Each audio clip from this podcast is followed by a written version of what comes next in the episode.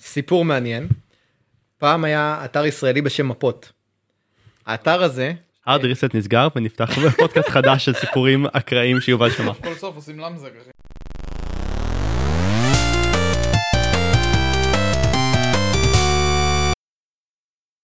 שלום, וברוכים הבאים ל-Hard Reset, הפודקאסט הרשמי של קהילת Hardware Engineering Israel, שבו אנחנו מדברים על עולם החומרה בכלל ועל צ'יפים בפרט.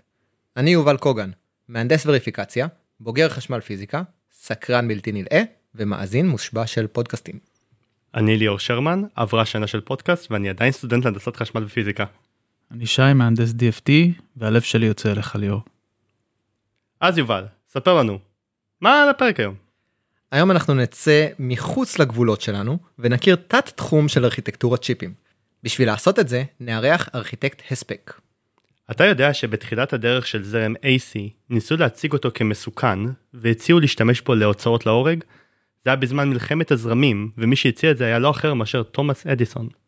נשמע מעניין. אה, אתה יודע בכמה ואט הוציאו אותו להורג? בבת אחת. האורח שלנו היום הוא יובל בוסתן. שלום וברוך הבא. אהלן, אתה יכול להציג את עצמך למאזינים שלנו? אני יובל, אני בן 51, אבא לחמישה. סיימתי את התואר שלי בהנדסת חשמל ב-98. אני בן של 25 שנה, התחלתי כסטודנט. עבדתי בשנתיים הראשונות אה, בעולם, בתחום של ה-Backend. אז, אז תכנון המעגלים היה הרבה יותר ידני ופחות אוטומציה ממה שיש אה, היום. אחרי, אה, אחרי, אחרי שנתיים בערך אה, עברתי להיות אה, RTLer, הייתי לוג'יק אונר של אה, אזור מסוים. עם הזמן התפתחתי, הפכתי להיות מנהל צוות של אותו אזור. כעבור כמה שנים ניהלתי צ- צ- צוותים של כמה אזורים, אחריות יותר רחבה, הכל באזור הקור. הקור באינטל הוא אזור בעל חשיבות אה, מאוד רבה לאינטל, זה אחד הדברים הייחודיים וה-added value שמקבלים במוצרים שלה. מה זה בעצם הקור? הקור בעצם זה הליבה ש... שבעצם עושה, עושה את העבודה. זה המעבד שהוא מבצע את הפעולות.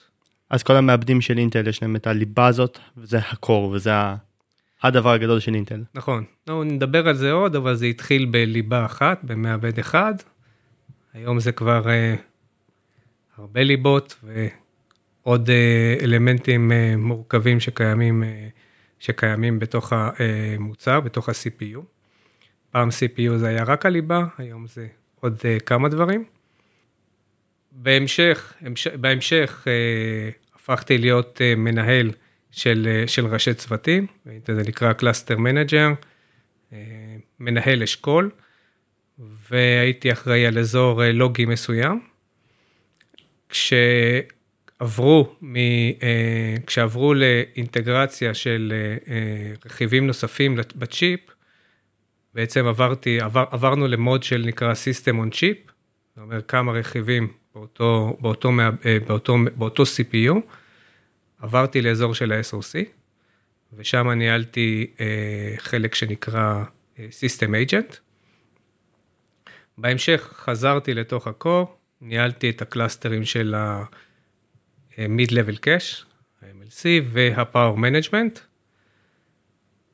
ובהמשך, אחר, אחר כך בעצם אה, קיבלתי בשלב מתקדם לנהל את הפרויקט של ה core, שהובלתי אותו עד ה production. בשלב הזה עשיתי אה, חזרה לאיש טכני, מוביל טכני, ועברתי לארכיטקטורה, להוביל את תחום ה-Power Management אה, Architecture של ה core, ושם אני נמצא בשנתיים וחצי האחרונות. מעולה.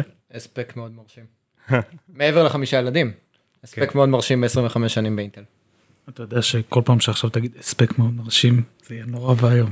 אתה מבין את זה. אבל זה הספק מאוד מרשים בדיוק מתקשר לפרק. אני יודע. אני הולך לשים הרבה סטייק אדיש בפרק הזה. אוקיי, עשית המון תפקידים באינטל זה אני לא יודע יד אחת לא הספיקה לי כדי לספור אותם. ועשית גם תפקידים מאוד שונים התחלת בבקאנד ועברת להיות דיזיינר ואחרי זה מנהל והיום אתה בארכיטקטורה. בטוח יצא לך לעבוד על הרבה מוצרים ומוצרים מגוונים כלומר אמרת שאת הרוב עשית על הקור אבל גם בתוך הקור יש לך מוצרים שונים בוא נקרא לזה ככה. אבל מעבר למוצרים בתוך הקור גם יצא לך לעבוד על דורות שונים של קורים. ואינטל היא חברה מפורסמת והמעבדים של אינטל הם מעבדים מפורסמים ואנחנו נשמח לשמוע על איזה מוצרים מפורסמים יצא לך לעבוד עליהם. אז אינטל מוציאה כל שנה מעבד חדש, אז אנחנו לא נעבור על כולם, אבל uh, נעבור, אני אתן כמה נקודות uh, מרכזיות. אז כשהגעתי, כשהגעתי לאינטל, uh, לסייט הישראלי, שאז הוא היה הרבה יותר קטן ממה שקיים היום, בעצם uh, זה היה בסיום, ה, uh, כשסיימו את uh, מה שנקרא פנטיום MMX, אז זה היה הצלחה עולמית. דיברו על זה בכל, דיברו על זה בכל מקום, והיה המון, היה המון גאווה ישראלית. כשאני, אה, אחרי זה, הפרויקט אחרי זה ש, שקיבלנו בעצם היה פרויקט שנקרא טימנה, גם כל השמות היו ישראלים, כי היה ממש אה, רצון, הייתה גאווה מסביב לזה. אז טימנה היה פרויקט שהוא בעצם פרויקט שהתמקד ב... מעבדים בהספק נמוך לטובת המון מוצרים, אה, לאו דווקא למחשבים. לצערי הוא בוטל אה, ברגע האחרון, אבל אה, אחריו הגיעו בעצם האתר בישראל קיבל את האחריות על כל המעבדים הניידים באינטל, ובעצם אז הגיעו שני המעבדים, הגיע בניאס ואחריו דותן. שמוכרים בשוק אה, תחת השם סנטרינו, שזה בעצם הפעם הראשונה שהיה אה, מעבדים עם וי-פיי, היה המון שיחות על זה, איך זה יתחבר ואיפה מתי זה יתנתק, מה שהיום נראה לי ברור לכל אחד שיש וי-פיי ומתחברים והכל, אז זו הייתה הפעם הראשונה. עכשיו, אה, לאחר מכן בעצם הגיעו מעבדים שנקראים יונה ומרום, שהם אה, פעם ראשונה שהיה מעבדים עם שתי ליבות. אה, גם מרום הוא המעבד אה, שסיים את, ה, המרוץ הזה לתדר, תמיד היה תחרות מי נותן את התדר הכי גבוה, וזו הייתה הפעם הראשונה שאינטל ניסתה לחנך את השוק, ללמד את השוק להסתכל על ביצועים ולא על תדר, שזה משהו מאוד מורכב, כי זה הרבה פחות אה, פשוט מלהסתכל על אה, מהירויות. ב-2009 בערך אה, עבדנו על, הגיעו שני מעבדים, סטנדי ברידג' ואייבי ברידג', שבעצם זה היה פעם ראשונה שהיה מעבד CPU שנמכר עם גרפיקה ביחד. עד אז היה רק מעבדים עם כרטיס גרפי בחוץ, זו פעם ראשונה ש... אה, וזה באמת היה מתאים מאוד לעולם, ה, לעולם הניידים, וגם פעם ראשונה שהשתמשו ב branding של Core, Core, מה שאתם מכירים, i3, i5, i9 היום, i7, אה, וזו הייתה פעם ראשונה, אחרי זה הגיע אה, מעבד שנקרא Skylake, שכלל, הוא היה אינטגרציה ממש מלאה של GPU על אותו die, הכל ביחד. וממנו היו לו הרבה מאוד flavorים של, שנקרא Kaby Lake, Coffee Lake, Cannon Lake, Whiskey Lake, כל ה Lakeים, אה, והוא היה הצלחה מאוד גדולה, באמת החזיק את השוק אה, בערך אה, חמש-שש שנים. אחרי זה הגיע גם Rocket Lake, ולא מזמן בעצם הוצאנו את Golden Cove, זה core, זה ארכיטקטורת core שהיא חלק מ Alder Lake. שהיא הלכה גם ל Alder Lake שהוא בעצם לשוק ה client, וגם ל Sapphire Rapids שזה ל serverים. ובעצם המעבד האחרון נקרא Raptor Lake, שהוא בעצם המעבד שק... הכי חדש שק... שנמכר היום בשוק, שהוא בעצם ב-6 גיג, וזה ה highlight שלו. אני חושב שראיתי השבוע, תקן אותי אם אני טועה, ראיתי פרסום של uh, כזה חנוני מהעבר, אה, פרסום של אה, מחשב נייח עם אינטל uh, אינסייד וכזה התלהבות של 883 מגה הרץ. אז את, זה המרוץ לתדר שאתה מדבר עליו? אני זוכר את המרוץ לתדר בין אינטל ל-AMD, מי יגיע ראשון ל-1 גיג. באמת הייתה, זה היה באז סביב זה, באמת AMD הגיעו ראשונים, אבל אה, כן, אז היה מרוץ לתדר, זה כאילו היה הדבר הכי חשוב, בוא נוציא מהבית עם תדר יותר אה, אה מהיר. אה, שהיום הגענו ל-6 גיג, וזה גם הישג מדהים. נשמע ככה. נשמע כמו פרק של עושים היסטוריה, מרוץ לתדר. נתחיל בשאלת חימום. מהו הספק? ואילו סוגים של הספק רלוונטיים לשיחה שלנו היום? טוב, אז uh, קצת תיאוריה. הספק בפיזיקה זה כמות האנרגיה המושקעת, או שמתקבלת ביחידת זמן, או בעצם קצב ההפיכה של uh, אנרגיה מצורה לצורה. אם אנחנו, אם מישהו למד uh, פיזיקה בתיכון, הוא בטח זוכר שיש הרבה סוגי אנרגיות, בועטים בכדור והוא הופך מאנרגיה של, אנרגיה קינטית של תנועה לחיכוך לחום, אז אם מודדים את זה ליחידת זמן, זה המשמעות של הספק. היחידות של הספק, אם אמרנו שזה אנרגיה ליחידת זמן, אז אנרגיה זה ג'אול, אה, זמן זה סקנד, אז ג'אול לסקנד בעצם זה ואט, שזה... היה בבדיחה הגרועה שלי בתחילת הפרק. בדיוק. איך סוגי ההספק השונים קשורים לעולם הפיתוח? אז uh, להקשר שלנו, ההספק הכי רלוונטי הוא הספק uh, חשמלי, שהוא בעצם uh, כמות האנרגיה ליחידת זמן שאנחנו משקיעים, במ... שמושקעת במעגל ומומרת לצורות אחרות של אנרגיה, כמו uh, חום או, או תנועה שזה זרימה, זרם. זרם חשמלי. זרם חשמלי, כן. נכון. אז ההספק החשמלי הוא בעצם, אה, זה, זה power, P, מסומן ב-P, והוא בעצם מסמל את קצב זרימת האנרגיה. ואם נצלול ספציפית לעולם הצ'יפים, מהו הספק חשמלי ומהו הספק חום בהקשר הזה? כלומר, אילו תכונות של הצ'יפ הם מתקשרים? בעצם הספק חשמלי, אנחנו מדברים על אנרגיה שאנחנו משקיעים ליחידת זמן. מה האנרגיה שאנחנו משקיעים? בעצם זה המתח, הפוטנציאל, הרי אה, אנר, אה, זרם חשמלי מגיע מפלוס למינוס, וזרם, מה זה זרם? בעצם זה הזזה של מטען לאורך זמן. אז בעצם יש לנו פה מתח חשמלי, הזזה של מטען בעצם זה זרם, ולכן מתח כפול זרם, נקבל את ההספק. עכשיו, אם נסתכל מה זה זרימה, זרימה מורכבת מכמה גורמים. אחד, הפוטנציאל, ההספק, שתיים, זה המטען, זה הקיבול, ושלוש, זה ליחידת זמן, זה התדר. אחד חלקי יחידת זמן זה תדר. ולכן, אם אנחנו מסתכלים בעצם על תכונות שזה מתקשר לצ'יפ, אז בעצם התדר זה השעון שעובד איתנו, התדר שאנחנו עובדים. המתח זה הספק שמספק לנו את, ה, אה, את האנרגיה, את המתח שאנחנו עובדים איתו, וקיבול מייצג את המעגל שלנו. עכשיו, כמו שאמרנו, חלק מהאנרגיה החשמלית בעצם עוברת לחום. אז חום הוא בעצם הספק ליחידת שטח כפול הזמן, זאת אומרת הטמפרטורה.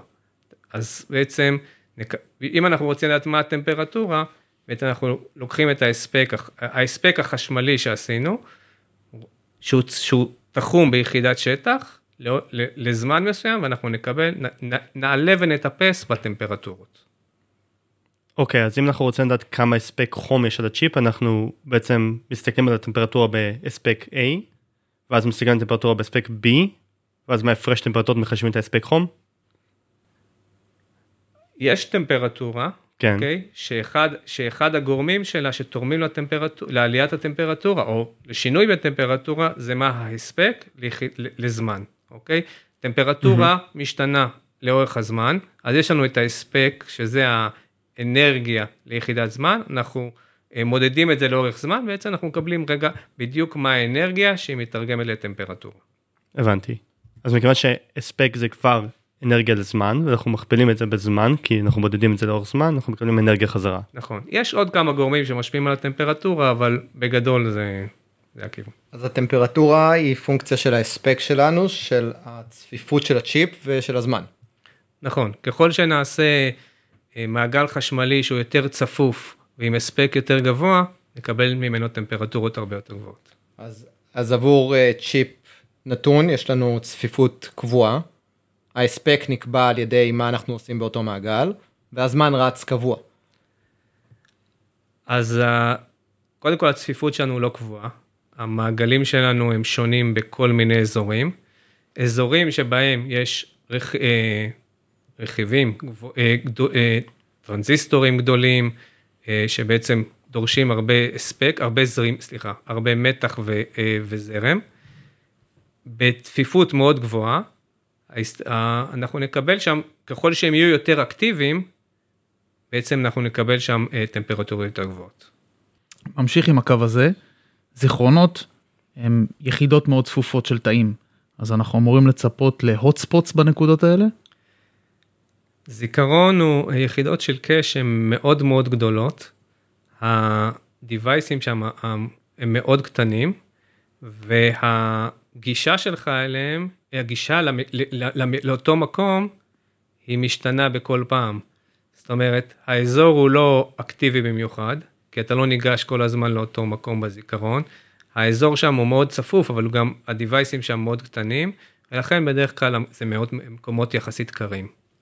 בגלל שהם קטנים אז הקיבול שלהם נמוך או משהו כזה? משהו בדיוק. כן. בדיוק. כשאני אומר גודל ה-Device, אני מתכוון לקיבול שלו, שזה חלק מההספק. ואז אה, ככל שמקטינים אותו אז הקיבול שלו קטן אבל מצד שני אפשר להכניס יותר דברים אז הצפיפות שלהם גדלה. אז יש כאן איזשהו trade-off. נכון. אוקיי. והפונקציה הזאת היא לא פונקציה לינארית מן הסתם, זאת אומרת, אג- אני עכשיו עובד בהספק קבוע, הטמפרטורה עולה, אבל הטמפרטורה תתחיל לעלות בקצב איטי יותר אם אני אמשיך באותו הספק, נכון? הטמפרטורה היא יחסית ליניארית ל- להספק. אומרת שאם ו- אתה... ומה מגביל אותה מלמעלה? מה מגביל אותה מלמעלה? כן, נניח אני רץ עם אותו הספק על, אותו, על אותה צפיפות, מריץ את אותה לולאה אין ש- סוף פעמים, שהצ'יפ נשרף. בדיוק. אני רוצה לשמוע את זה. בסוף, בסוף אה, בטמפרטורות מאוד גבוהות, ה- ה- הדיווייסים נפגעים, ואתה מפסיק לעבוד בצורה פונקציונלית. מעולה, ובשביל זה התכנסנו. כמו שאנחנו מפסיקים אותם לפני, שזה האפשרות השנייה. הלולאה שלך נשברת, כי שרפת איזה טרנזיסטור. מצוין, ובאנו לשמוע איך אה, גורמים לזה לא להישרף נראה לי. אז אמרנו שהספק מורכב ממתח וזרם, או אם יורדים לרזולוציה יותר מדויקת, אז קיבול, תדירות ומתח. מתי דרישות ההספק נכנסות לדרישות התכנון של הצ'יפ, ולאיזו רזולוציה מגיעים בדרישות הספק של צ'יפ. אז דרישות, לדרישות ההספק נכנסים בשלבים הכי מוקדמים, כבר בהגדרה של המוצר. למוצרים שונים ולסגמנטים שונים יש דרישות הספק שונות. לדוגמה, מוצרים של client, אה, מעבדים של desktop, כמו שאתם מכירים, הם נעים בסביבות בין 45 ל-65 ואט. יכולים גם להגיע ל-150 ואט, זה תלוי בכמות הליבות. מוצרים ניידים זה משהו בסדר גודל של עד 15 ואט ועד 15 ואט. כי אנחנו לא פעמים- רוצים שהברכיים יתחממו. גם, גם, וגם בגלל הבטריה וגם בגלל העובי של המוצר. מדובר על אה, laptopים או על טלפונים ניידים? זה מדובר 15 ואט, זה מדבר, מדבר על אה, laptopים ועל Ultrabooks, דברים, דיווייסים, אה, כאילו, מוצרים כאלה. כשאנחנו מדברים על סרברים, ששם יש אה, עשרות ליבות ביחד ואפילו מאות, כאילו אני חושב שהשנה כבר יעברו, את המאה ליבות, אז שם מדובר כבר על אה, הספקים של 350 עד אה, 500 ואט. עכשיו, כשמגדירים מוצר, בעצם עם כמות הוואטים, בעצם זה מכתיב איזה ספק יהיה להם, אה, איזה בטריה, אה, אופי, אופ, אופי המוצר. דיברנו על הספקים נמוכים בשביל דיווייסים דקים, בשביל דיווייסים עם אמצעי קירור, האם, האם יש פן, האם אין פן, מוצרים ממש דקים הם פנלס, אין בהם פן.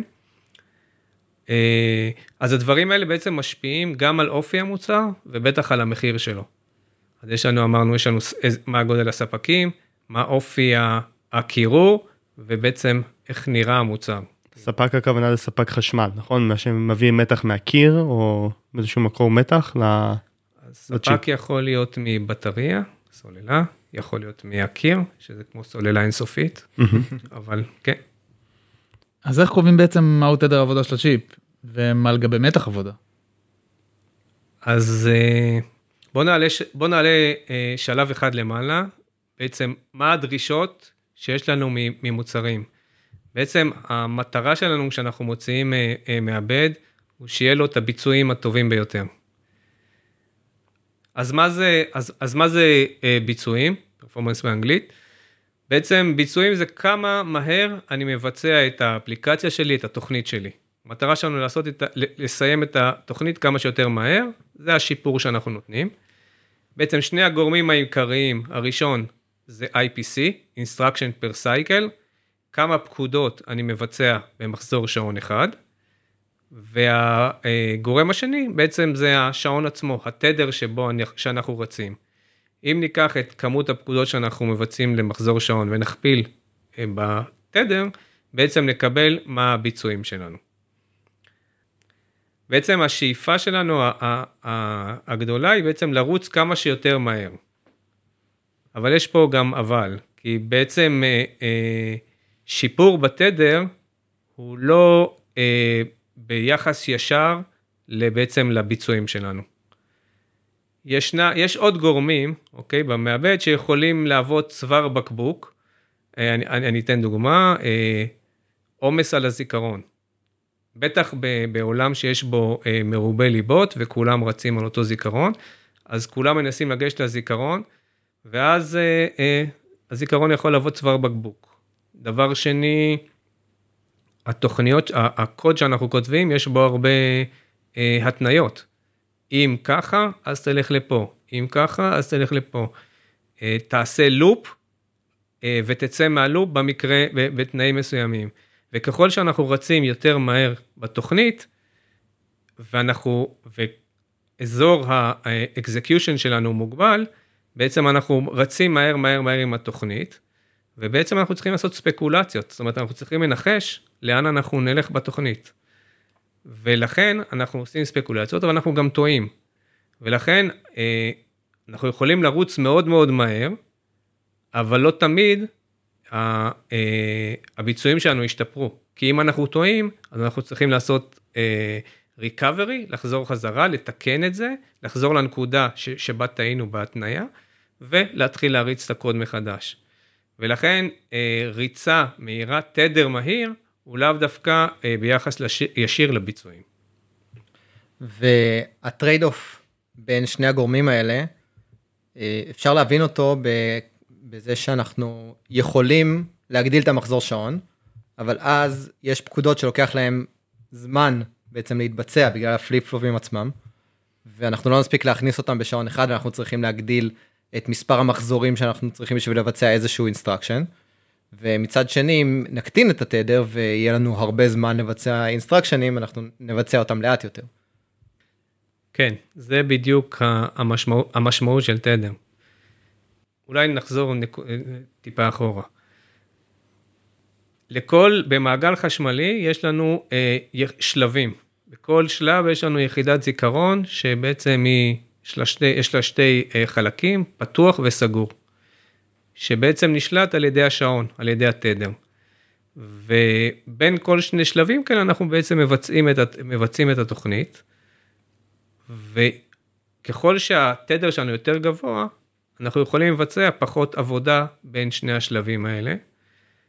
ולכן, אה, כשרצים בתדר יותר גבוה, יש לנו כמה אפשרויות. אחת זה להקטין את כמות, להקטין את כמות, אה, להקטין את כמות מה ש... את העבודה שאנחנו עושים, ולחלק אותה ובעצם להוסיף עוד יחידות זיכרון כאלה, שזה גם עולה לנו בהספק. מה לגבי מתח עבודה? מתי זה נקבע בשלב הארכיטקטורה? אז אה, מתח עבודה זה בעצם אה, קובע לך, הוא קובע לך איזה ספק אתה צריך לתת, ובעצם זה מאוד קשור למחיר של המוצר.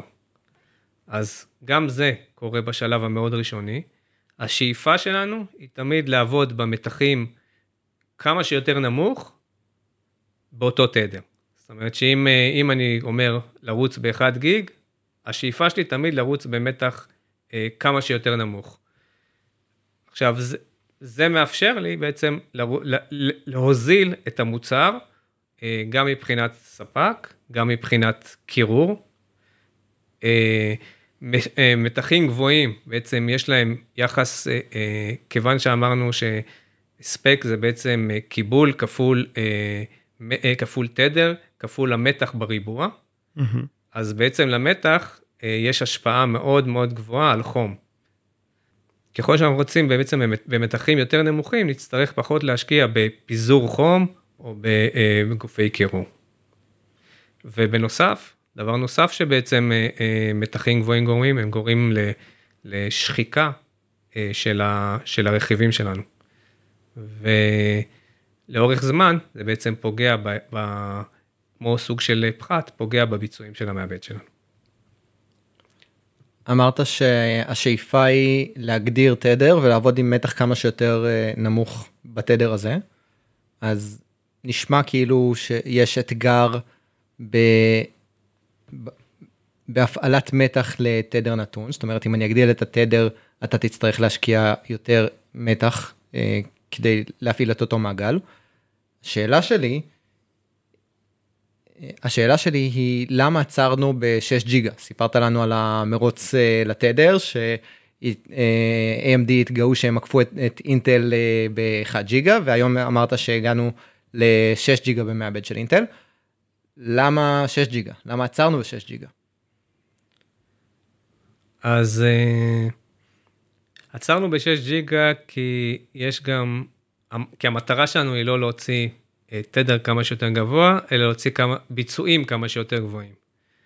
קודם כל, יש תכנון ארכיטקטוני וחלוקה אה, של ה-pipe stages בין כל, אה, בין כל רכיב זיכרון, היא צריכה להיות יעילה. זאת אומרת, שאם אתה עושה ממש מעט פעולות בין כל רכיב זיכרון, זה אה, גורם לך לשבור המון דברים, ו, אה, וזה הופך אותך לפשוט מאוד בזבזני ו- והרבה פחות יעיל. עכשיו, כמו שציינו, שיש גורמים אחרים שיכולים לגרום לחוסר יעילות, ולכן אין טעם לרוץ, כאילו המטרה היא תמיד לרוץ בתדר כמה שיותר גבוה, אבל אה, אה, לא על חשבון הביצועים. אם אפשר להשיג ביצועים בדרכ, בדרכים אחרות, אז, אה, אז, אז עדיף, כי זה גם הרבה יותר ידידותי להספק. וגם אה, אתה מקבל ביצועים באותה רמה. אז יש פה עניין של trade-off בין תדר לבין ביצועים. ההשקעה בתדר היא מאוד בזבזנית, ועדיף לך לקבל את הביצועים בצורות אחרות שהן הרבה יותר ידידותיות להספק. אתה יכול לתת רק אה, מגרש משחקים, איזה טווח כלשהו של אה, מה הטווח מתחים שעובדים היום בתוך הג'יפים? של מתחים. בלי להיכנס למספרים יותר מדי, יותר מדי מדויקים, המעבדים היום עובדים אה, במתחים של בין 0.7-0.8 ל-1.5 וולט, והשאיפה היא לרדת כמה שיותר במתחים. אז למה שבכלל נרצה להקטין הספק? מה המטרה? מה ה trade-off? אז אה, המטרה של להקטין הספק היא בעצם אה, לעבוד במעטפת הספק כמה שיותר, אה, שיותר קטנה. היום אה, המעבדים של היום מנסים לשים בתוכם כמה שיותר ליבות. וזה אומר שאם הגדרת מוצר עם הספק מסוים, uh, והוא יכול להיות מוצר נייד, שאתה רוצה שהוא יהיה עם battery life כמה שיותר גדול, או, uh, או דק, ולכן המטרה שלך בעצם לעבוד במעטפת הספק כמה שיותר קטנה לכל, לכל, לכל ליבה. זאת אומרת, השאיפה שלך לעבוד בהספק כמה שיותר נמוך. כמובן שאתה יכול להקטין את התדרים, אתה יכול להקטין את, ה, את המתח, אבל גם הביצועים שלך ירדו בהתאם. זאת אומרת שאם תתכנן את הביצועים שלך שיהיו מספיק טובים למוצר במעטפת הספק הזאת, אז בעצם יהיה לך מוצר מצוין, וזה מכל, לאורך כל הסיגמנטים. זאת אומרת, אם אמרנו שבסרברים מנסים באותם 350 ואט לדחוף מאות מעבדים, זה אומר שלכל ליבה יש מעטפת הספק נמוכה, וזה נכון גם לדיווייסים ניידים ודקים, שאתה לא רוצה שיש שם פיזור חום, או שאתה שם אותו על הברכיים שלא תקבל כווייה, אה, ועדיין לקבל ביצועים, או שהבטריה שלך תחזיק אה, יום, יומיים, ולא תהיה, אה, לא תידרש לחבר אותה לחשמל כל שנייה. אז נעבור לשאלה תמימה, שאנחנו בטוחים שהיא לא. איך מודדים בכלל הספק על צ'יפים, ובאילו תנאים? ואני אביא קצת משהו מהעולם שלי. חלק מהטסטים שאני עושה בתור מהנדס DFT זה נקרא סקן שבו מתגלים את הצ'יפים, את הפלופים, את הלוגיקה באופן די אגרסיבי, לא מה שהדיזיין הפונקציונלי עושה. האם משתמשים בקונספט הזה או שיש דרכים אחרות? אז בואו נפריד בין uh, מדידה או הערכה של הספק פרי סיליקון לפני שיש מוצר ואחרי שיש מוצר. אז לפני שיש מוצר, בעצם עובדים עם כל, אה, עושים את זה בסימולציה, יש אה, המון, יש כלים לסינופסיס ולעוד חברות שבעצם מריצים על המעגלים ומקבלים הערכה על ההספק. אה, זה שילוב. מריצים, מריצים על המעגלים ב-RTL או בגייט לבל? או שלא קשור בכלל? אז מריצים גם וגם. מריצים ל-RTL בשביל להבין מה ה-activity factor, מה ה-activity שמשתנה, ומריצים על המעגלים בשביל לקבל את הנתונים של הקיבול. ומשני הדברים ביחד בעצם מקבלים הערכה מה, ה, מה, מה, מה ההספק, מה הפאוור שאנחנו צורכים, ועל סמך זה עושים שינויים, תכנונים, אה, עושים שינויים, אה, מתקנים דברים באזורים בעייתיים, אה, ורואים שבעצם עומדים ביעדים של, ה, ביעדים של המוצר. אז בעולם בעצם שיש לך מוצר, אז אחד, יש לך ספק חיצוני שאתה מחבר, שאתה יכול לדעת בעצם מה, מה המתח והזרם שאתה מחבר למוצר שלך. יש לך גם אה, בתוך המעבד סנסורים של אה, זרמים, שהם עובדים עם פידבקים והם רואים בעצם מה, מה זרימה, מה צריכת הזרם שלך. כמובן יש לך גם voltage regulator שאתה משנה אה, בעזרתם את המתח אז יש לך אה, מספיק יחידות בתוכו שבעצם נותנות לך פידבק אה, ונותנות לך הערכה על הצריכה שלך שאתה יכול בעצם לשחק איתם ולאפטם איתם את המעבד. כמובן יש סנסורים כמו של טמפרטורה ששומרות על המעבד ועוזרות להביא אותו לנקודת עבודה בריאה. אבל סנסורים רק אומרים לי מה הערך שם, לא אומרים לי באמת אה, תוריד את השעון, תעלה את השעון, תשחק עם המתח, דברים כאלה. נכון, זה התפקיד של ה power management.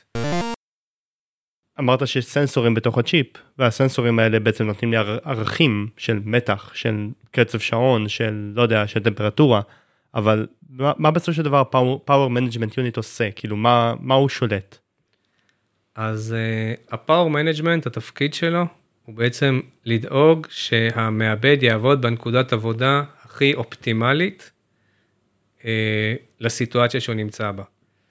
זאת אומרת שאם הוא רואה שהוא יכול להעלות את הביצועים של המעבד, שיש לו עוד אה, headroom של הספק, אז הוא בעצם יעלה, יעלה, יעלה, את, ה, יעלה את התדר ו, וידאג שהמעבד ירוץ בצורה יותר מהירה. או oh, וואו. Wow. אם... אה, אם הוא רואה שאתה נמצא במצב של טמפרטורה חמה מדי, אז הוא ידע אה, להוריד את המתח ולהוריד את התדר בשביל אה, למנוע ממך להגיע למצב קריטי של טמפרטורה. הוא בעצם שולט, אז כן, אז אחד- המטרה שלו זה בעצם למזער את הטמפרטורה שלא נשרף וכל מיני דברים כאלה, אבל אז יש לו שתי מטרות, אחד לאפטם את נקודת העבודה, שאתה תעבוד בנקודת עבודה שבעצם תיתן לך את הביצועים הטובים ביותר, מהמם. ובנוסף, גם לעשות protection ולהגן עליך מלהגיע למצבים שהם לא בריאים. ואיך הוא עושה את זה? הוא, הוא מאיץ את השעון, מאט את השעון, מעלה את המתח, מוריד את המתח. אז הוא משחק בכל הנובים האלה ש, שדיברנו עליהם שהם חלק מההספק. יכול להיות אה, מתח, תדר, לנסות אה, אה, לשחק עם הקיבול שאתה צורך. וואלה. הוא, יכול לשחק גם עם צפיפות טרנזיסטורים או שזה כאילו מספיק מקובע. לא, צפיפות טרנזיסטורים זה. משהו given, אה, צפיפות טרנזיסטורים זה משהו שהוא given כבר במוצר. יחסות פרטית גם נכנסת לשם, אה, אתה יודע, האטת הזמן, דברים כאלה. זה אני. פחות אה, שולט בזה. ה power management יוצר חור שחור ומאט את הזמן בתוך הצ'יפ. אוקיי. אלה היו 30 שניות על איך לא בונים צ'יפים. רק לחזור לשאלה שממנה התחלנו, סיפרת על איך מנתחים כמה הצ'יפ יצרוך בפרי סיליקון. ובפוסט סיליקון דיברת על האמצעים שיש לנו לגלות את ההספק, כמו מד זרם או, או מד טמפרטורה בתוך הצ'יפ.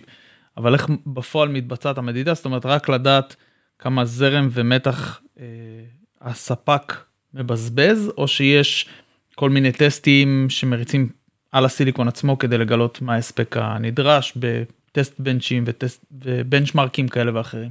אם אני אחדד את השאלה, נראה לי שהשאלה היא האם המדידה היא ישירה או עקיפה.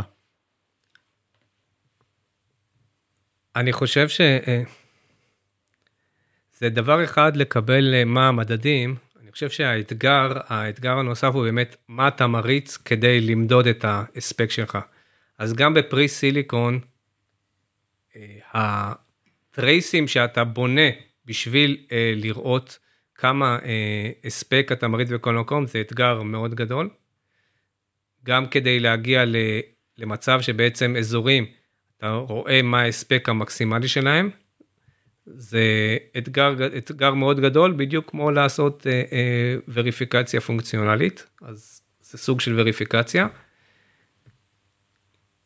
בפוסט סיליקון זה אותו דבר, אוקיי? גם שמה צריך, אה, שמה פשוט מריצים טרייסים או אפליקציות אה, שהן הרבה יותר ארוכות, הרבה יותר גדולות, וגם שמה אה, אנחנו רוצים לוודות שאנחנו מצאנו את, מכסים בצורה מאוד טובה את כל הנקודות של הפאוור, ושלא השארנו שום חור, ושלא יבוא לקוח ופתאום יישרף לו משהו, כי אנחנו לא ראינו את זה במעבדה. השם וריפיקציה נמצא בכל מקום בתחום של הנדסת חשמל, פשוט בכל מקום. הזכרנו פה לפני שיצאנו למעברון שלנו שיטה לחיסכון בהספק. אחת השיטות שהזכרנו זה לעשות את זה בצורה לוקאלית. אני לא בטוח שהבנתי למה הכוונה אתה יכול להסביר לנו?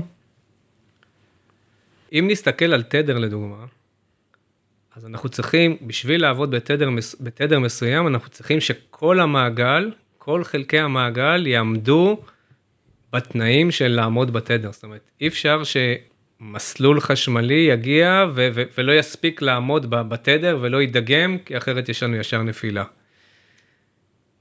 אז זה משהו מאוד רחב, מאוד גלובלי.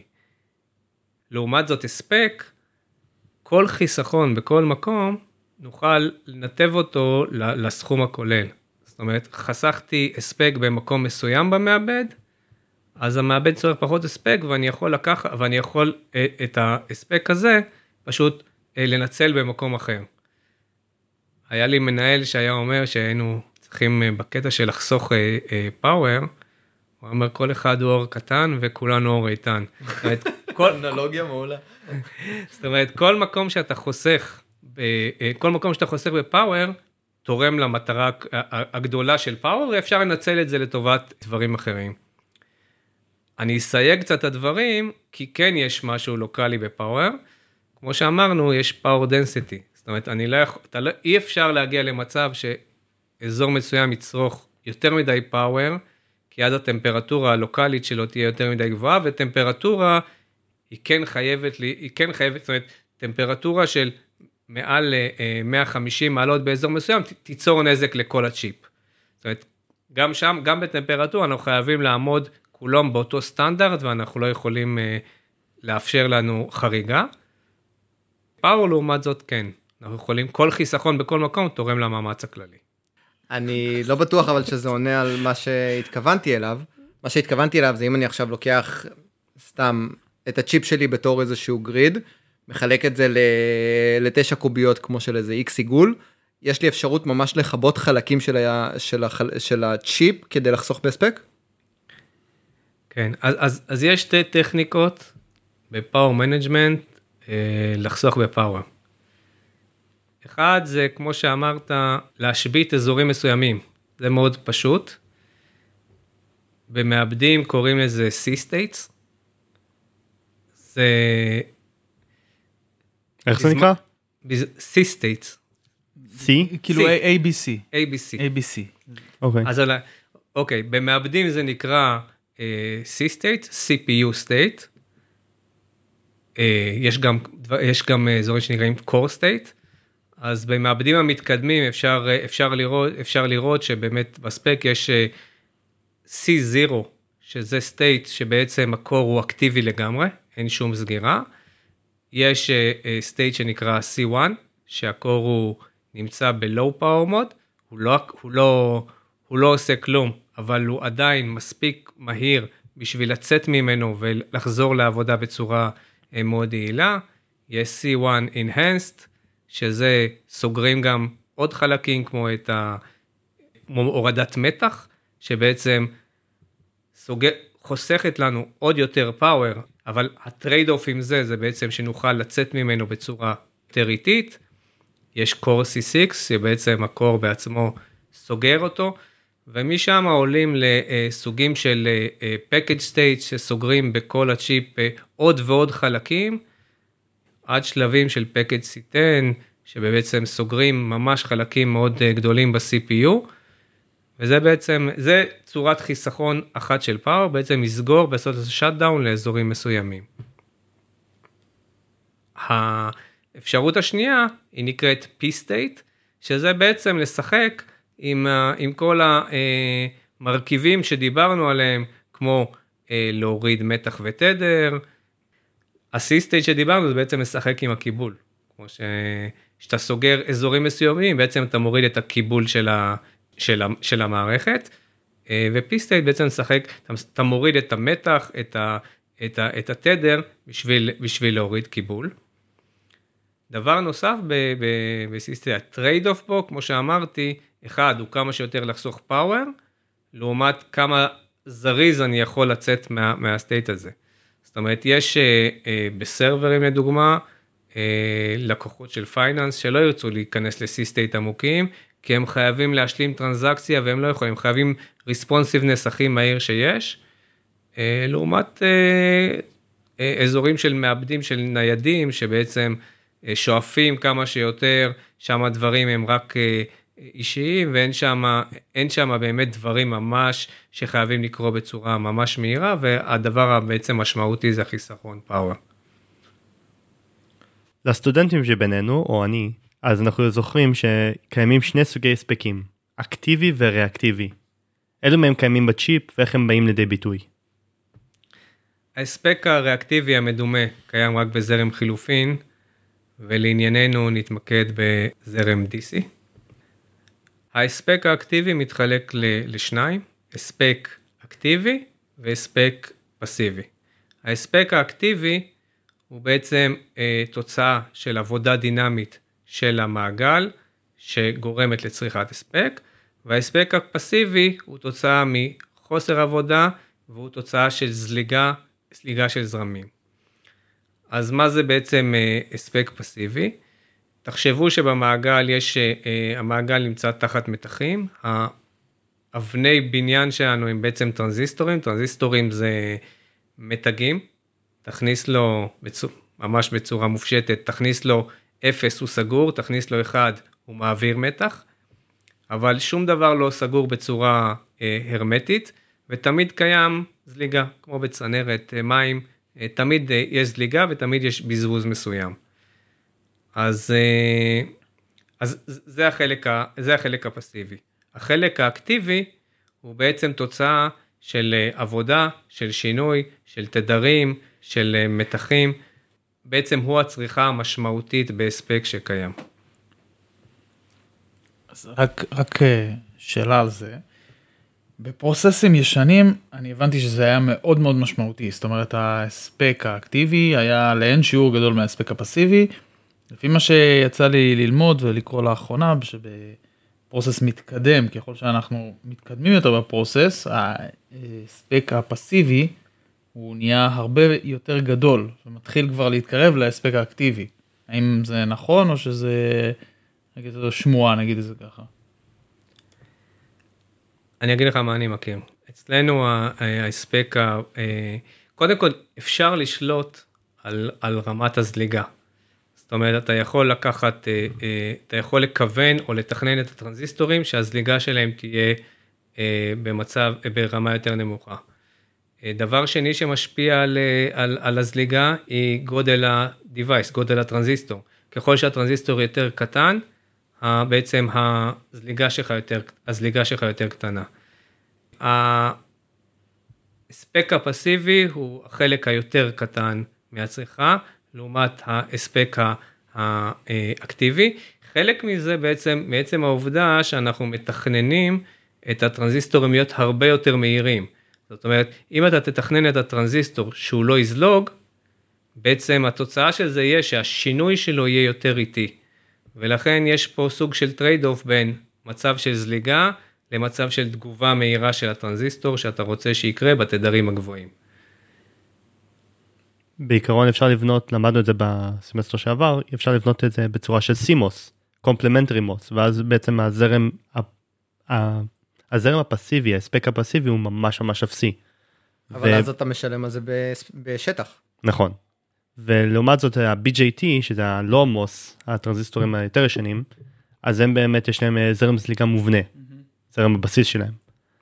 וכשהולכים באמת לקנה מידה מאוד מאוד קטן הננומטרי בודד 1 ננו 2 ננו דברים כאלה אז יש תופעות קוונטיות שגורמות לזרם זליגה לקרות פשוט באופן ספונטני.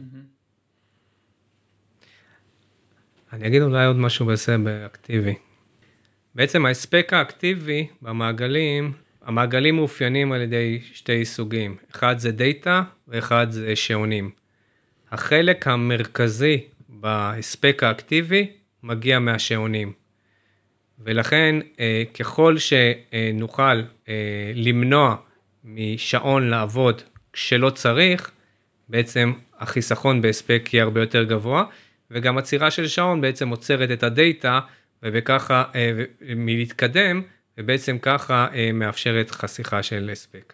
אבל היום החלק הגדול בעצם בחלק האקטיבי הדינמי מגיע מהשעונים עצמם, שפשוט משנים כל הזמן אקטיביטי, מתגלים בצורה בלי הפסקה, וככל שמוסיפים מהם יותר enablers, זאת אומרת, שמאפשרים להם לעבוד רק כשצריך, או שסוגרים אותם, וסוגרים אותם מתי שצריך, בעצם על ידי זה אנחנו חוסכים את ההספק בצורה הכי יעילה. השימוש בשעונים שונים, אה, לדוגמה להשתמש באזורים, אה, בשעונים איטיים, באזורים שלא חייבים שיהיה להם קלוק מהיר, בעצם זה סוג של, אה, של פאוור. אתה יכול להשתמש בשעון מהיר לכל האזורים, אבל על ידי זה אתה תהיה בזבזני בפאוור, ואתה יכול באזורים שלא מחייבים את זה בעצם לעבוד בשעון הרבה יותר איטי, ועל ידי זה בעצם לחסוך, אה, לחסוך פאוור. מהי נצילות טיפוסית של צ'יפ? וכמה ואטים לעבד לחום וכמה הספק מסופק למערכת? כמות ההספק שמסופקת למערכת מאוד תלויה במוצר. זאת אומרת, אם אמרנו שמעבדים ניידים צורכים 15 ואט, אז זה מה שנצטרך לספק להם כדי שהם יעבדו. וכמובן, כמות העבודה שאתה מריץ. אם אתה מריץ בלי הפסקה, אז כנראה הצריכה שלך תהיה הרבה יותר גבוהה מאשר אם אתה מריץ אה, פעם ב, או גם סוג, סוג העבודה שאתה מבצע עם המעבד. אה, לעשות אה, Web Browsing זה משהו שהוא צריכת power מאוד יחסית נמוכה, לעומת לעשות video editing שמביא דרישות מאוד גבוהות מהמעבד. היום באמת במעבדים, לדוגמה מ Alder Lake, יש שני סוגי מעבדים ב-CPU. יש מעבד שנקרא e-core, efficient core, שבעצם לשם אה, ממפים את כל הטסקים שהם אה, אה, סוג של background או, או סוג של אה, טסקים שהם לא demanding. לעומת זאת יש מעבד פיקור, שזה המעבד. האזור שאני עובד בו, שהוא בעצם performance core. לשם מעבדים, שם מפנים את כל האפליקציות שבעצם יש להם דרישה לפרפורמנס מהיר. עכשיו, בנושא כמה מההספק הופך לחום, בעצם רוב, רוב ההספק שמושקע עובר, ל, עובר לחום, יותר מ-50% מההספק בעצם הופך לחום, ולכן יש צורך להשקיע באמצעי קירור ולפזר את, במטרה בעצם לפזר את החום. דיברנו על זה שיש הספק, וההספק הוא מתחלק לחשמלי וחום, ואנחנו רוצים למזער את ההספק חום. כדי לשלוט בהספק אנחנו שולטים בתדר ובמתח. אז מתח דיברנו, על כיבוי של רכיבים ומשחק עם אזורי שעון. איך שולטים בתדר? במעבד בעצם יש רכיב שנקרא PLL, שהוא מייצר את התדר. ואת הרכיב הזה אפשר לקנפג בזמן ריצה, על סמך אה, נקודת העבודה שאיתה אנחנו רוצים, אה, שאיתה אנחנו רוצים לעבוד. מה זה PLL? אז PLL זה בעצם מעגל משוב שנועל פאזה ביחס לנקודה מסוימת, ובעצם מייצר מעגל שהוא, מש, שהוא אה, מחזורי, ובעצם אה, זהו השעון שאיתו אנחנו, שאיתו אנחנו משתמשים. אז הוא מייצר שעון ביחס לשעון אחר? נכון, יש שעון אה, שנקרא ה base clock, שהוא השעון הראשי, וביחס אליו נוצרים אה, על ידי חלוקות תדר עוד ועוד שעונים. אפשר תמיד לשאול למה, למה אנחנו צריכים כל כך הרבה שעונים. אם מסתכלים על ה... אז בעצם שימוש בשעונים יותר איטיים באזורים ש... שלא זקוקים לזה, זה בעצם uh, חיסכון בהספק. ואזורים שבעצם צריכים את התדרים הגבוהים הם האזורים הקריטיים, אה, לדוגמה במעבד מאוד חשוב שהביצ... שהביצוע של הדברים יהיו כמה שיותר מהירים. האם האזור שמקנפג את המעבד צריך לעבוד בצורה כזאת מהירה? לא, כי הוא בעצם צריך לראות מה המצב של המעבד, לנתח אותו, ואז להחליט, זה לא משהו שמשתנה בצורה כזאת מהירה. אז יש אזורים שבעצם אה, אה, צורכים שעונים יותר, אה, יותר איטיים, דוגמה גם זיכרון, זה משהו שצריך לרוץ אה, בצורה מהירה על פי הצורך שלו. זאת אומרת, אם יש, אה, אם הוא מהווה את הצוואר בקבוק, אז תרצה שהוא ירוץ בצורה יותר מהירה, ואם הוא לא, אז אתה אה, יכול לרוץ בצורה יותר איטית, ולעומת המעבד, ששם אתה רוצה באמת כמה שיותר מהר לבצע את הפעולות. אז ה-PLL נקבע להיות איזשהו שעון, ויש לך אזורי שעון שונים, אבל הם יכולים להשתנות גם תוך כדי עבודה? כאילו אתה יכול לשנות את הפאזת שעון של המקנפג להיות טיפה יותר מהר ואז להאט אותו, או שזה לא אתה, לא עובד ככה. אתה, שול, אתה שולט על התדר של השעון, יש לך אה, אה, נקודות עבודה שאתה עובד איתן, ואתה אה, יכול לגרום לשעון לרוץ בצורה יותר מהירה, אה, בתדר יותר מהיר, בתדר יותר איטי. אה, שעון יכול לרוץ מכמה מאות מגה הרץ עד, אה, עד 6 גיגה, כמו שאמרנו. אה, וזה תלוי בעצם בנקודת עבודה שאתה רוצה לעבוד. אם אתה נמצא במצב של אה, שאתה לא עמוס או שאתה, או שאתה תקוע, עדיף לך לרוץ בתדר שעון כמה שיותר נמוך ולחסוך את ההספק ולאפשר למקום שבעצם מהווה את הצוואר בקבוק אה, להשתמש בכל ההספק, להשתמש בהספק הזה לטובת פתיחת הצוואר בקבוק. בסדר, אז בעצם אני קובע מראש בארכיטקטורה שלי שהאזור הזה יהיה עם PLL מהיר וזה PLL איטי וככה הלאה. ואז אני מחלק את האזורי שעון למהירים ואיטיים או שאני יכול לשחק איתם גם לשנות אותם למהר יותר ואיטי יותר. לא התדר גם של, ה, גם של המעבד גם של הליבה של המעבד הוא משתנה על פי הצורך. זאת אומרת שאתה רואה אה, מעבד בשישה גיג זה לא אומר שהוא רץ כל הזמן בשישה גיג. זה אומר שהוא יכול להגיע לשישה גיג כשהוא יגיע לצ, לצורך הזה. כמובן שזה דורש ממנו בגלל שיש לו מעטפת הספק אה, אה, מסוימת אה, לעמוד ב... אה, שתרוץ עליו אפליקציה עם, אה, שבעצם גורמת לקיבול מסוים, זאת אומרת שהיא מתגלת את, ה, את המעבד עד קיבול, עד קיבול מסוים. זאת אומרת המעטפת פאוור נשארת אותו דבר, תוכניות רבות, כאילו הספק שאיתו אנחנו בודקים את המעבד, סיר, ספק אינטרייט לדוגמה, אה, אה, אנחנו בודקים אותו ואנחנו רואים שהוא מג... איתו אפשר לרוץ ולהגיע והמון אפליקציות מסוגלות להגיע לשישה גיג.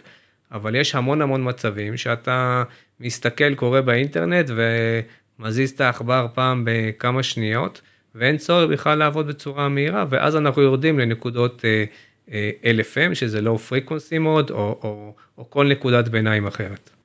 אתה מקבל את ה-PLL כ-IP אז אה, אתה מציב אותו או קבוצת דיזיין אינטגרציה ארכיטקטורה מציבים את ה-PLL הזה אה, בדיזיין האם לכל פיקו יש PLL משלו או שאתם מקבלים כגיוון אה, כניסות שעון. לא לכל פיקו יש אה, אה, שעון משלו. שעון או PLL. כעיקרון לכל אה, אה, ליבה יש שעון משלה. כמובן שאתה יכול לחלוק שעון על ידי שתי ליבות אבל אז יהיה תלות ביניהם. ה-PLL שאנחנו מקבלים זה עבודה משותפת עם ה-IP, כולל הגדרות, כולל אה, הגדרת אה, צרכים שצריכים להיות, אה, מגדירים נקודות עבודה אה, אופייניות, אז אה, איך מאתחלים אותו, כל הפיוזים שיורדים אליו, אז כל התהליך הזה נעשה במשותף.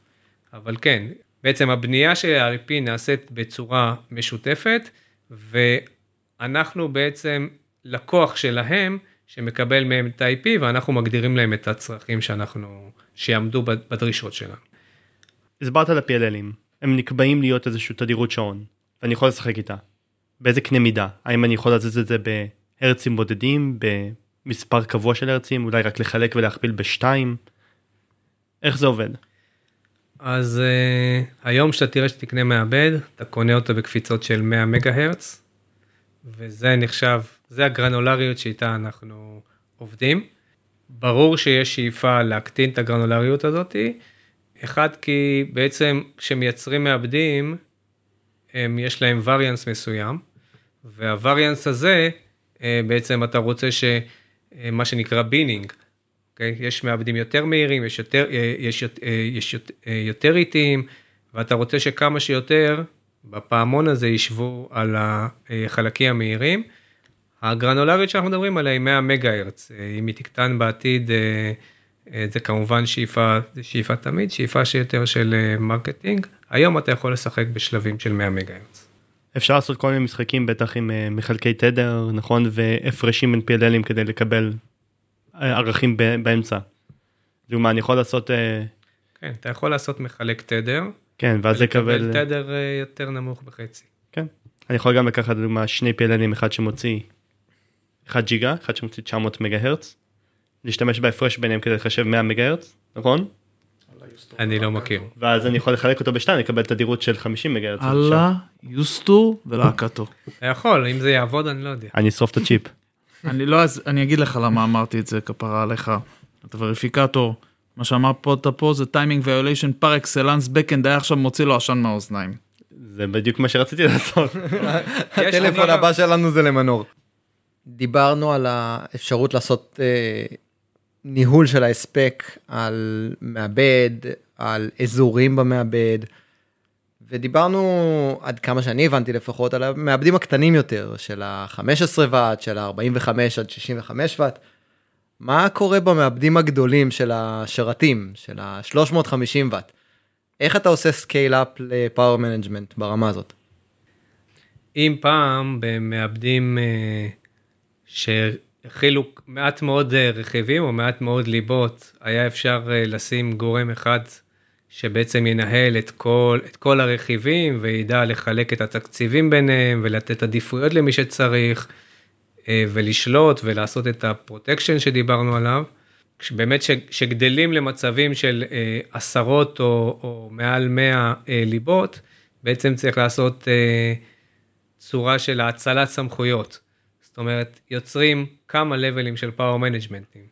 power management שנמצאים ב level ים יותר נמוך, שמנהלים כמות יותר קטנה של רכיבים, ובשלבים מעליהם יש power management שבעצם עובד עם ה power management שנמצא ב level מתחתיו. אז בעצם אה, לנסות כמה שיותר לנהל את הדברים הלוקאליים, ובעצם להשאיר את החלקים שננהל ב-level אה, היותר גבוה לשכבה מעליך.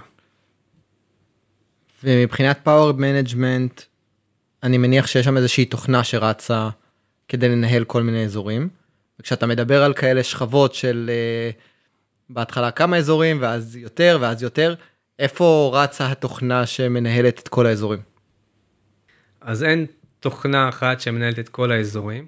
יש micro controller ים, firmware ים שנמצאים כל מיני אזורים, בעצם מנהלים לוקאלית את החלק עליו הם אחראים, ומעליהם יש עוד אה, שכבה של, אה, של firmware שבעצם מתקשרת עם ה micro controller, עם ה firmware שבעצם אה, נמצא מתחתיה.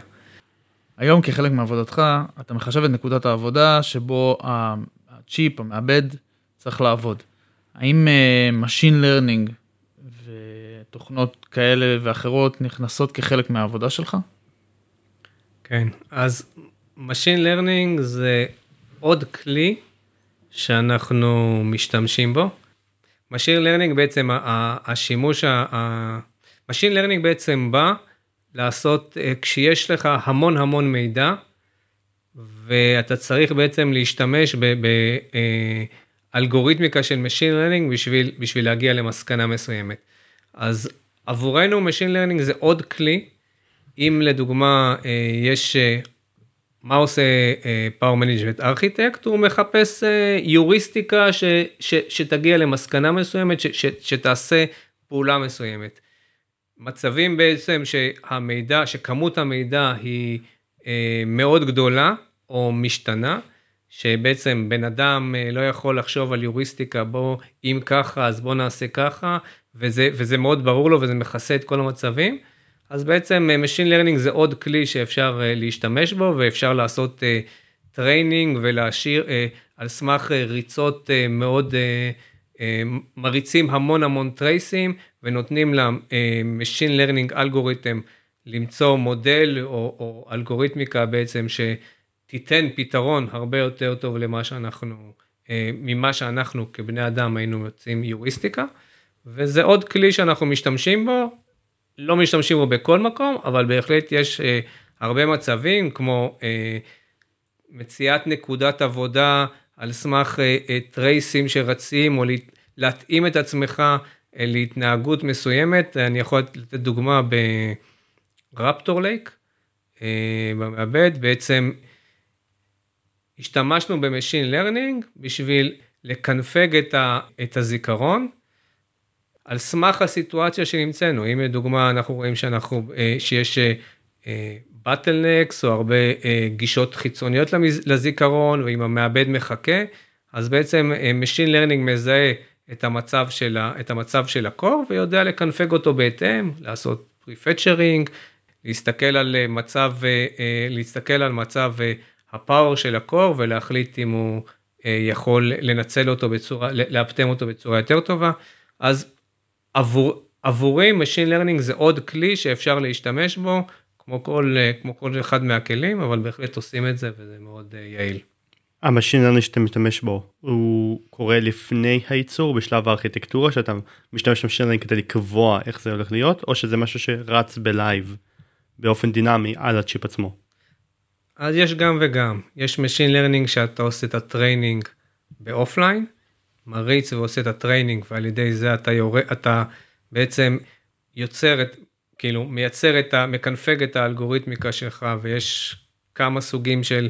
Machine Learning אה, ש, ש, שקיימים, ו, ואז בעצם מה שאתה מריץ בעצם זה רק את האינפרנס, כאילו אתה מריץ מודל והוא מריץ והוא אה, מזהה את זה ומגיב בהתאם, ויש אה, אלגוריתמיקה שבעצם רואה את המעגל ובעצם לומדת תוך כדי ובעצם מגיבה בהתאם. אז יש גם וגם. היא מייצרת יוריסטיקה שהיא מותאמת אישית למשתמש. נכון. וזה שימושי בקנה מידה, כל קנה מידה, גם מליבה אחת, או רק החל מהרבה ליבות? אנחנו, אני אישית, אנחנו משתמשים בזה ב, אה, גם ב, בתוך הליבה שלנו, וגם אה, התנהגות בין כמה ליבות. דיברת קצת על כלי, עכשיו שדיברנו על Machine Learning. איזה סט כלים אתה משתמש בו בלי הכלי הזה, כדי בעצם להחליט על דרישת ההספק ועל היוריסטיקה שדיברת עליה קודם, ציינת בתחילת הפרק אה, תוכנה של סינופסיס, אבל אתה יכול קצת לתאר, לפרט על אה, סט הכלים שאתה עובד איתו? אז בדיזיין באמת עובדים עם, אה, עם, עם, עם כלים עם פריים פאוור אני חושב. פריים פייר, כן, אבל אני, אני כארכיטקט לא משתמש בזה. אוקיי, אז איך אתה, כאילו, אז איך, איך אתה בעצם מצליח להבין כמה הספק הצ'יפ, לפחות תיאורטית, יצרוך? אז ברמה של ארכיטקטורה אנחנו מריצים, אה, יש סימולציות פרפורמנס של ארכיטקטורה שזה high level simulation שנכתבות ואנחנו מוסיפים להם נתונים שאנחנו מקבלים אה, מהחבר'ה של הבקאנד או מהדיזיין ואנחנו משלבים את שני הנתונים האלה ובעצם אה, נותנים הערכה בעצם מה הפאור שלנו בכל, בכל, בכל נקודה. זאת אומרת, בשביל להריץ בעצם בנצ'מרק שהוא מאוד גדול, אנחנו לא מריצים אותו בעצם על הגייט לבל או לא על ה-RTL, אנחנו עושים את זה, זה אפשר לעשות עם אמולציה בשלבים יותר מאוחרים, אבל בשלב הארכיטקטורה אנחנו בהחלט משתמשים בסימולטור של פרפורמנס, פלוס נתונים של, אה, נתונים של backend שאנחנו מקבלים והערכות, ודרך זה אנחנו יודעים להעריך את ה power. overclocking, מושג שהיינו חייבים לדבר עליו. האם אתם לוקחים overclocking בחשבון בזמן תכנון של הצ'יפ שלכם? האם זה חלק מהארכיטקטורה? אני אגיד מה לי תמיד עמד בראש overclocking זה חבר'ה פריקים כאלה שעומדים עם אה, עם אה, חנקן נוזלי ומפזרים ו- ומגבירים אבל אה, יש שני סוגים של overclocking יש באמת את החבר'ה האלה שהם מנסים לשבור את התדר הכי גבוה ויש overclocking שהיום הוא מאוד הוא, הוא מאוד נמצא במיינסטרים. זאת אומרת, אתה יכול לקנות, ו, ואינטל גם מאוד מעודדת את זה, ואתה, אם אתה תפתח, אה, אה, תחפש באינטרנט איך לעשות overclocking, אתה תמצא אתר של אינטל שמספר איך לעשות overclocking אינטל שלה. מעודדת את זה. אינטל מעודדת את זה. חשבתי שזה יהיה הנבלים הכי גדולים של הארכיטקטים. נכון, וזה זה התדמית של זה, אוקיי? שזה רק אנשים שבאים עושים hacking ומנסים אה, להאיץ את השעון שבעצם קנו מוצר ומנסים להאיץ אותו בשביל לקבל עוד, אבל היום אה, אה, אתה יכול לקנות מעבד שהוא unlocked ל-overclocking, בעצם להאיץ את השעון ולקבל ביצועים יותר טובים בתנאים מסוימים. כמו שאמרנו, לא תמיד אה, להאיץ את השעון זה יגדיל לך את הביצועים ביחס ישר. זאת אומרת שאם אה, אה, תיקח שני מעבדים זהים, תריץ אותם ולאחד אה, תעשה overclocking, לאו דווקא אה, תקבל אה, את אה, אה, רמת ביצועים הרבה יותר טובה. אבל בהחלט בתחום של גיימינג, זה משהו שהוא מקבלים ממנו הרבה והרבה הרבה פעמים יש כאילו אתה קונה פשוט רכיב של overclocking אתה צריך לטפל באזור של באזור ה thermal אוקיי אתה פשוט משתק את ההגנות בחלק מהמקרים הגנות של אה, של thermal ואתה יכול להאיץ את ה... את הר... קוראים לזה ריישו של clock כאילו אם אמרנו שסופרים ב-100 מגה הרץ אז בעצם 1 גיג זה ריישו של 10 פשוט אתה משנה את המספר ומאיץ אותו. אה, יש באמת, אה, אתה יכול לפתוח באינטרנט, יש שלבים באינטל שאומרים לך מה לעשות, אה, בעצם להריץ אותו, לפתוח את ה... לראות שאתה מעבד שלך הוא בעצם unlocked ל-overclocking, להריץ, להריץ אותו, להאיץ אותו, להריץ אותו ולראות באמת שאחרי שהורדת את ההגנות הוא רץ בצורה סבירה, אחרי זה להאיץ את השעון, כמובן צריך לקרוא טוב טוב על האחריות. כי יש שם דברים שאתה תעשה והם על אחריות, מהרגע הזה הכל על אחריותך, אבל זה משהו שהוא בהחלט אה, נמצא במיינסטרים ואתה קורא עליו במלא מאוד אתרים והוא קיים ועושים אותו.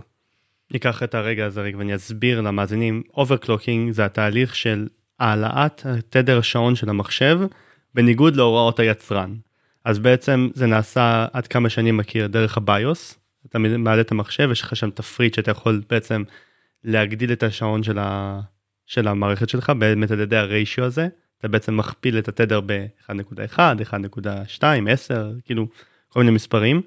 כמו שיובל אמר, באמת יש את הנושא הזה שלא כל עלייה בתדר מומרת ישירות לעלייה בביצועים, ואחד ההשלכות המיידיות של כן עלייה בתדר זה יותר חום. כמו שאמרנו, הנוסחה של הספק זה קיבול כפול מתח בריבוע כפול התדר. אז אחד הדברים שאנשים שעושים overclocking צריכים לקחת בחשבון זה העלייה בחום שהמעבד הולך לייצר ובהכרח הם צריכים גם לשים איזשהו רכיב או משהו שיקרר את זה. אז בדרך כלל לוקחים את זה לקירור עם חנקן נוזלי כמו שאמרת או קירור מים כלשהו. אז זה מאוד תלוי, אוקיי? אה, קודם כל אה, אמרת בניגוד להוראות היצרן, אז כמו שאמרתי לך, אה, כשאתה קונה מעבד שהוא unlocked ל-overclocking, אז, אז זה מאושר גם על ידי היצרן. אבל בהחלט יש שני סוגים של overclocking, כאילו השאלה היא עד כמה אתה מותח אותו. ואם אתה מותח אותו בצורה קטנה והדרגתית, אז בהחלט אה, אתה מקבל ביצועים יותר טובים, ושם אתה אה, בעולם היותר סולידי. אה, במקרה שאתה באמת מעלה את ה... מגדיל את ה overclocking לרמות מאוד קיצוניות, ואתה צריך באמת את החנקן והכל, שם זה כבר על אחריותך. לפני תקופה, לא מזמן, ראיתי סרטון של מישהו ששובר את השיא בהעלאת התדר על מעבד של אינטל. אתה מכיר את הסיפור הזה? כן, אני רק אגיד שב introduction של Alder Lake, חלק מה intro שעשו, והיה את ה show וה-CEO בא וכל ה-client management והציגו את המעבד, הביאו באמת overclockers ל intro עצמו, והם ניסו לשבור ב live את התדר, את התדר, שזה סוג של גימיק כחלק מהמכורות, אינטל בהחלט עובדת איתם ומעודדת את זה. אה, כן, אז אה, כן נשבר, נשבר השיא אה, למעבר לתשע, למעבר לתשע גיג, וכל התהליך שם הוא מאוד מאוד מורכב, הם עושים שם מחנות עם כל מיני חומרים שבעצם, בעצם מה שאתה צריך לעשות זה להוריד את כל ההגנות, שההגנות בעצם ברגע שמגיע סוג של violation אם זה טמפרטורה, שבעצם אה, ברגע שיש טמפרטורה אנחנו סוגרים ומגנים על הצ'יפ, אז אתה צריך לבטל את כל ההגנות. הם מזריקים אה, אה, כל מיני חומרים שהם מרכיבים וליקוויד בשביל, בשביל באמת לקרר את המעבד. ובאמת אתה רואה איך, שהם, איך, איך הם עושים את המעלים, מעלים, מקררים, הם, דרך אגב, הם מומחים הם יודעים את, ה, את כל מה שקורה בתוך, בתוך המעבד, אה, אין לי מושג איך, אבל הם מומחים לגמרי ושולטים בהכל. בהחלט אה, אה, רואים שם שהם באמת עולים, ואחרי שהם שוברים הם מחכים, ואז הם מקבלים אישור ש, שבאמת הם הגיעו לת, לתדר הזה, אבל זה באמת, בוא נגיד ככה, כנראה הם שרפו לא מעט צ'יפים בדרך עד שהם הגיעו לשם. לאיזה תדר הם הגיעו? הם הגיעו ל-9.09 אני חושב, אבל עברו את ה-9 גיג, אבל תהיה בטוח שהם שרפו לא מעט צ'יפים בדרך.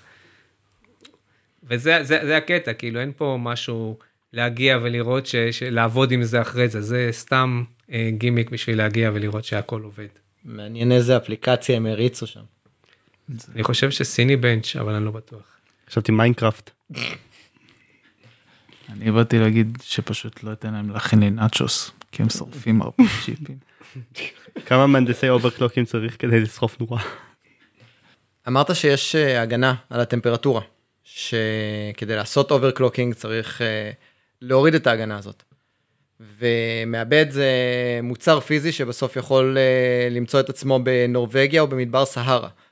אה, איך אתה יודע מה הטמפרטורה החיצונית כדי לנהל את ההספק בתוך הצ'יפ ועדיין לשמור על טמפרטורה בטווח העבודה הנכון שלך ולא לשרוף את הצ'יפ. בליבה עצמה יש לנו אה, יש לנו סנסורים ובעצם אה, שהם מודדים את כל האזורים את כל, את, בכל אזור מודדים את הטמפרטורה ובעצם הם שומרים שאנחנו לא נגיע לטמפרטורה שבעצם תיצור נזק. מן הסתם טמפרטורה יכולה להיות מושפעת גם מגורמים חיצוניים. זאת אומרת, אם תעמוד עם ברנר על, ה, על ה-CPU, אז, אז, אז הטמפרטורה תעלה, אבל לסנסור עצמו זה לא כזה מעניין. בסוף הוא רואה טמפרטורה מסוימת והוא מפעיל את המנגנוני הגנה. רוב הטמפרטורה, העליית טמפרטורה מגיעה בעצם מ compute, מגיעה משינוי מתוך המעבד אה, כשהוא עובד. ו, אה, ואנחנו מגיב, והוא מגיב, אנחנו מגיבים בהתאם בכל ה...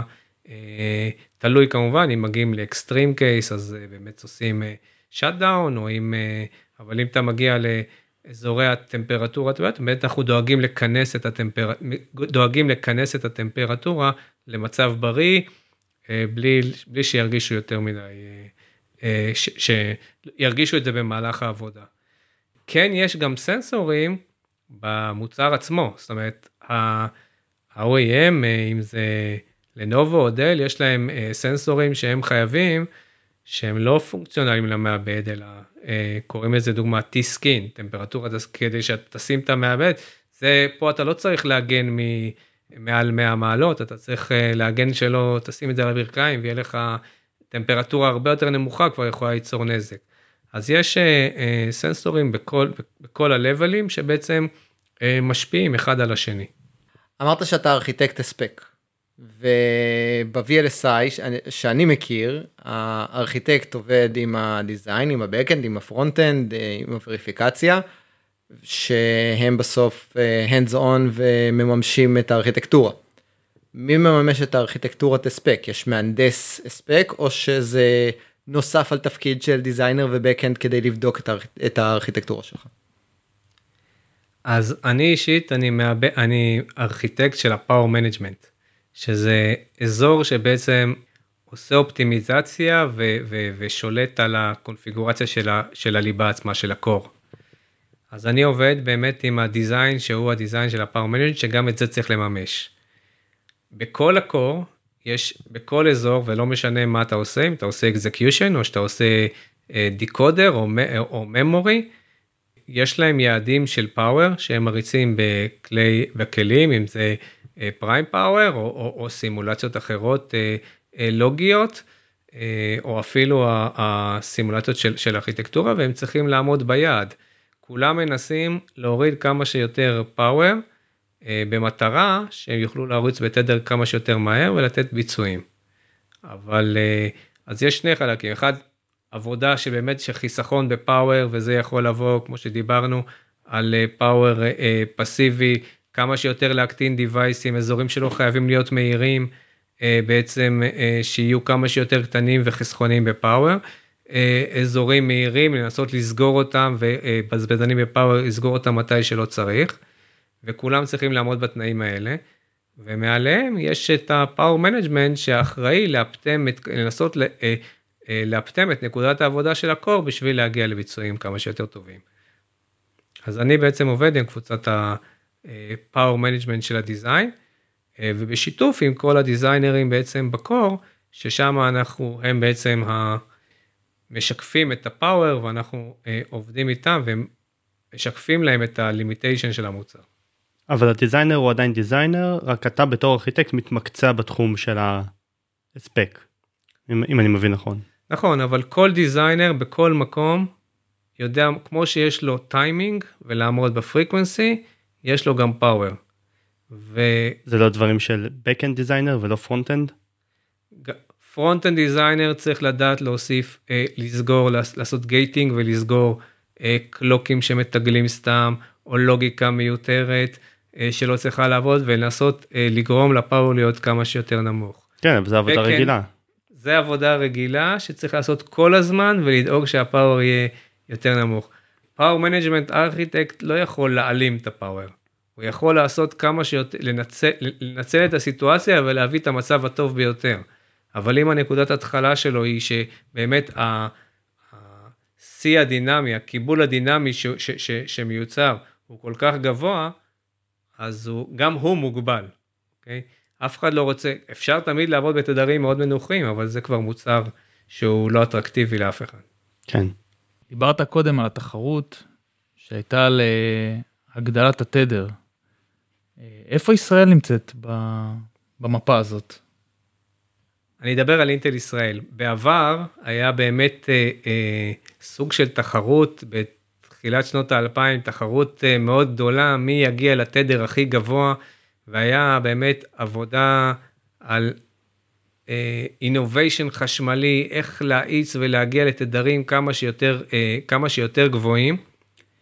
אה, כמו שאמרתי בהתחלה, אינטל ישראל אה, הגיע עם מוצרים, כיוון שהגענו, מה, התחלנו מהתחום של הניידים, בעצם לשנות את התפיסה הזאת ולבוא בתפיסה של בואו נביא ביצועים כמה שיותר טובים.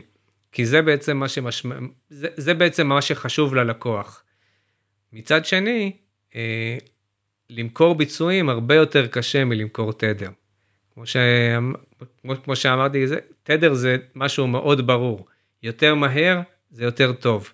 ביצועים, כבר עולה השאלה, מה אני מריץ, איך אני מריץ. ברור שכל אה, אחד רוצה להראות שהביצועים שלו יותר טובים, ואפשר למצוא בנצ'מרק שבו אתה יותר טוב, ובנצ'מרק שבו אתה פחות טוב, ולכן זה משהו הרבה יותר מורכב, אה, שזה תחום, אה, תחום מורכב בפני עצמו, פיתוח בנצ'מרקים ומה הבנצ'מרקים החשובים, וכל חברה שמוכרת אוהבת להדגיש ולהראות את הבנצ'מרקים שבו יותר טובה. אה, מן הסתם יש את הבנצ'מרקים שהם מיינסטרים ושם אנחנו אה, רובנו מתמקדים ובעצם שם נמצאת, אה, שם אנחנו נמצאים בעצם להראות כמה שביצועים יותר טובים. כמובן תדר זה חלק מהביצועים, חלק חשוב, אבל לא החלק היחידי.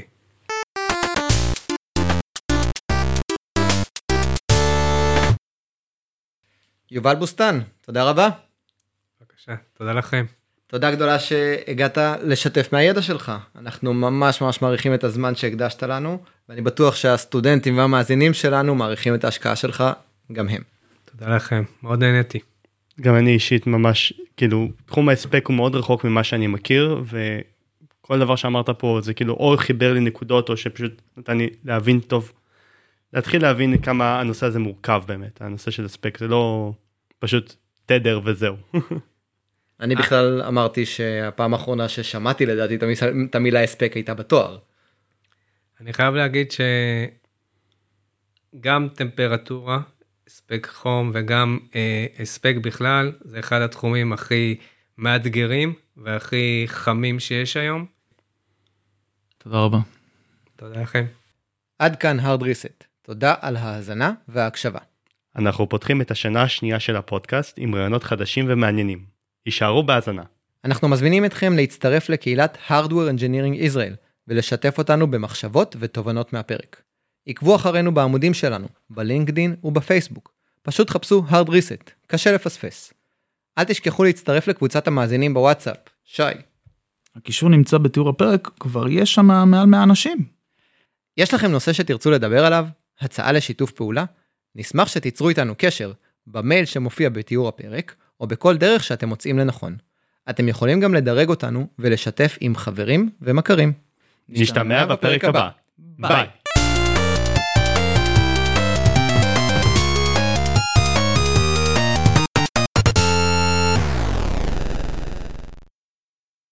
אז יובל קוגן ספר לנו מה הפרק היום. תמשיך. לא לא רגע. זה היה מעולה.